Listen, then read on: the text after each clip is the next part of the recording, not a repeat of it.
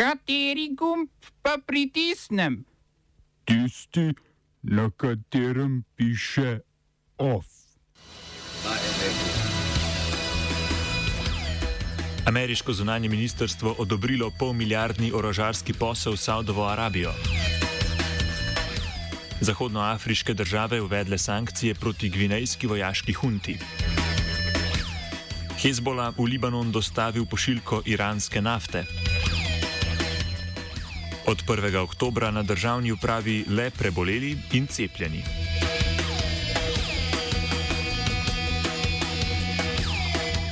Dobr dan.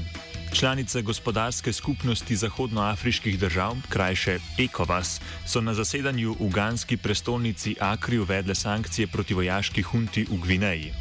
Sankcije, ki vključujejo prepoved potovanja za pripadnike gvinejskega vojaškega poveljstva in zamrznitev gvinejskih finančnih sredstev v tujini, so upirjene predvsem proti voditeljem septembrskega vojaškega udara v Gvineji. Ekovas od njih zahteva vrnitev ustavne vladavine, izpustitev odstavljenega gvinejskega predsednika Alfa Kondeja in izvedbo demokratičnih volitev, na katerih ne bi smeli kandidirati trenutni vojaški oblastniki. Članice Ekovasa so pozvale Afriško unijo in Združene narode naj se pridružijo sankcioniranju gvinejskega vodstva.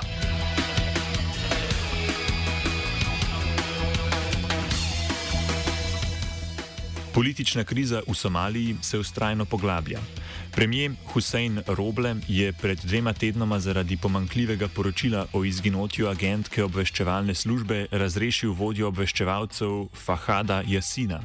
Na to sta premijer in predsednik Mohamed Abdullahi Mohamed imenovala vsak svojega kandidata za novega vodjo obveščevalne agencije. Včeraj pa je predsednik Mohamed premijeju Roblu oduzel možnost, imenovanje, možnost imenovanja in odstavljanja državnih funkcionarjev. Predsednik Mohamed je svojo potezo utemeljil z očitkom Roblu, da je ta s svojimi dejanji kršil ustavo.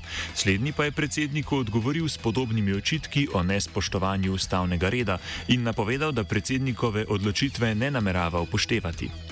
Politična vojna med najvišjima somalijskima predstavnikoma traja od letošnjega aprila, ko je predsednik Mohamed podaljšal svoj mandat za dve leti.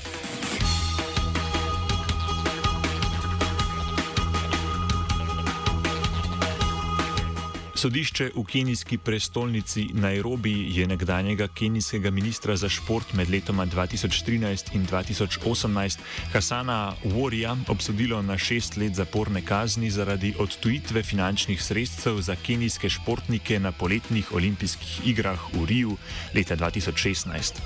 Takrat je Warijo namerno zadržal del sredstev, ki so bila namenjena za kenijsko olimpijsko ekipo.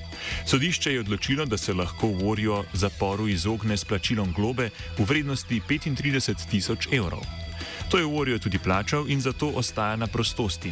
Postopek proti Warriorju je eden prvih zaključenih v seriji tožb vlade predsednika Uhura Kenjateja proti nekdanjim vladnim funkcionarjem, ki so obtoženi korupcije v športnem sektorju. Poleg Vorja je bil na deset let zapora ali milijon evrov globe obsojen tudi vodja kenijske olimpijske ekipe v Riju Steven Soj.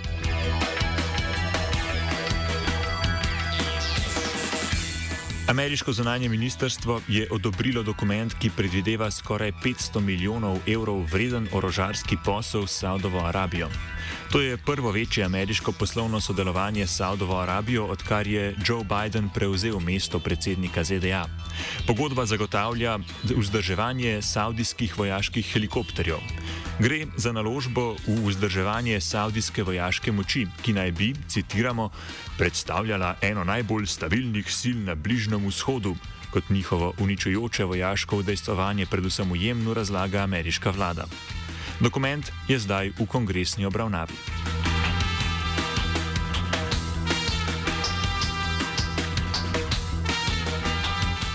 Šiitska organizacija Hezbola je v Libanon dostavila 4000 ton iranske nafte. Libanonci so tovornake z, nja, z nafto pozdravili slavjem na ulicah, saj v državi zaradi skorajšnjega gospodarskega propada vlada pomankanje tako energetskih surovin kot tudi zdravil in pitne vode. Hezbola je iransko nafto v Libanon dostavil prek Sirije, saj s posredno dostavo Libanon ne krši ameriških sankcij proti Iranu. V Hezbola so tudi napovedali, da bodo nafto prodali po nižji ceni in jo najprej dostavili bolnicam ter drugim institucijam, ki skrbijo za zdravje in varnost ljudi. Strategija odrešenika se Iranu in Hezbola že obrestuje, saj veliko Libanoncev vidi dostavo iranske nafte kot odrešitev od zatiralskih ZDA in njenih zaveznic.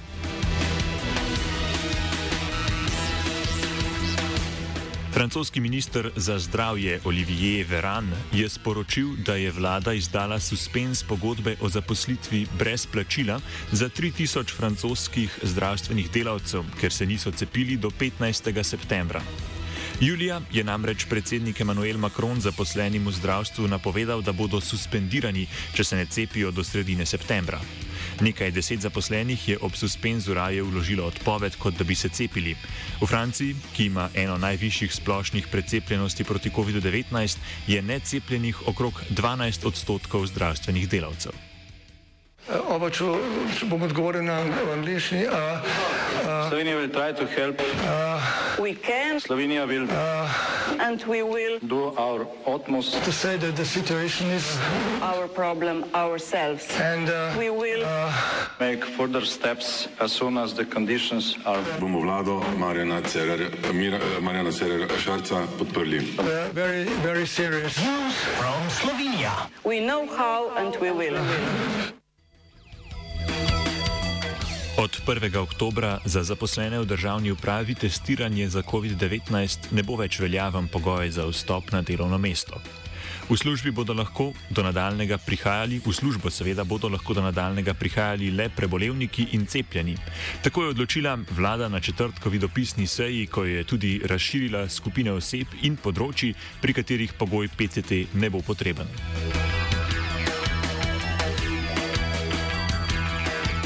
Kolegi predsednika državnega zbora je na današnji seji določil časovni potek rednega septembrskega zasedanja, ki se bo začelo v ponedeljek in pri tem verjetno že dejansko zapečatil sprejem zakona o debirokratizaciji, ki ga naslednji teden čaka prvo branje. Sledeč mnenju zakonodajno-pravne službe so sklenili, da bo namreč za potrditev zakona potrebna dvotretinska večina. Zakon namreč ukinja zakon o načinu glasovanja in ugotavljanju izida glasovanja na referendumu o volilnem sistemu, ki je bil sprejet z dvotretinsko večino. Slednji se ne uporablja več. Zakon o debirokratizaciji pa ga ukinja skupaj s približno 200 drugimi zakoni, ki zaradi različnih razlogov ne urejajo več ničesar. V prvem branju ulaganje dopolnil ni mogoče, bo pa morala sedaj vlada najprej najti dovolj glasov, da sprejme dopolnilo, ki bi umaknilo razveljavitev omenjenega zakona.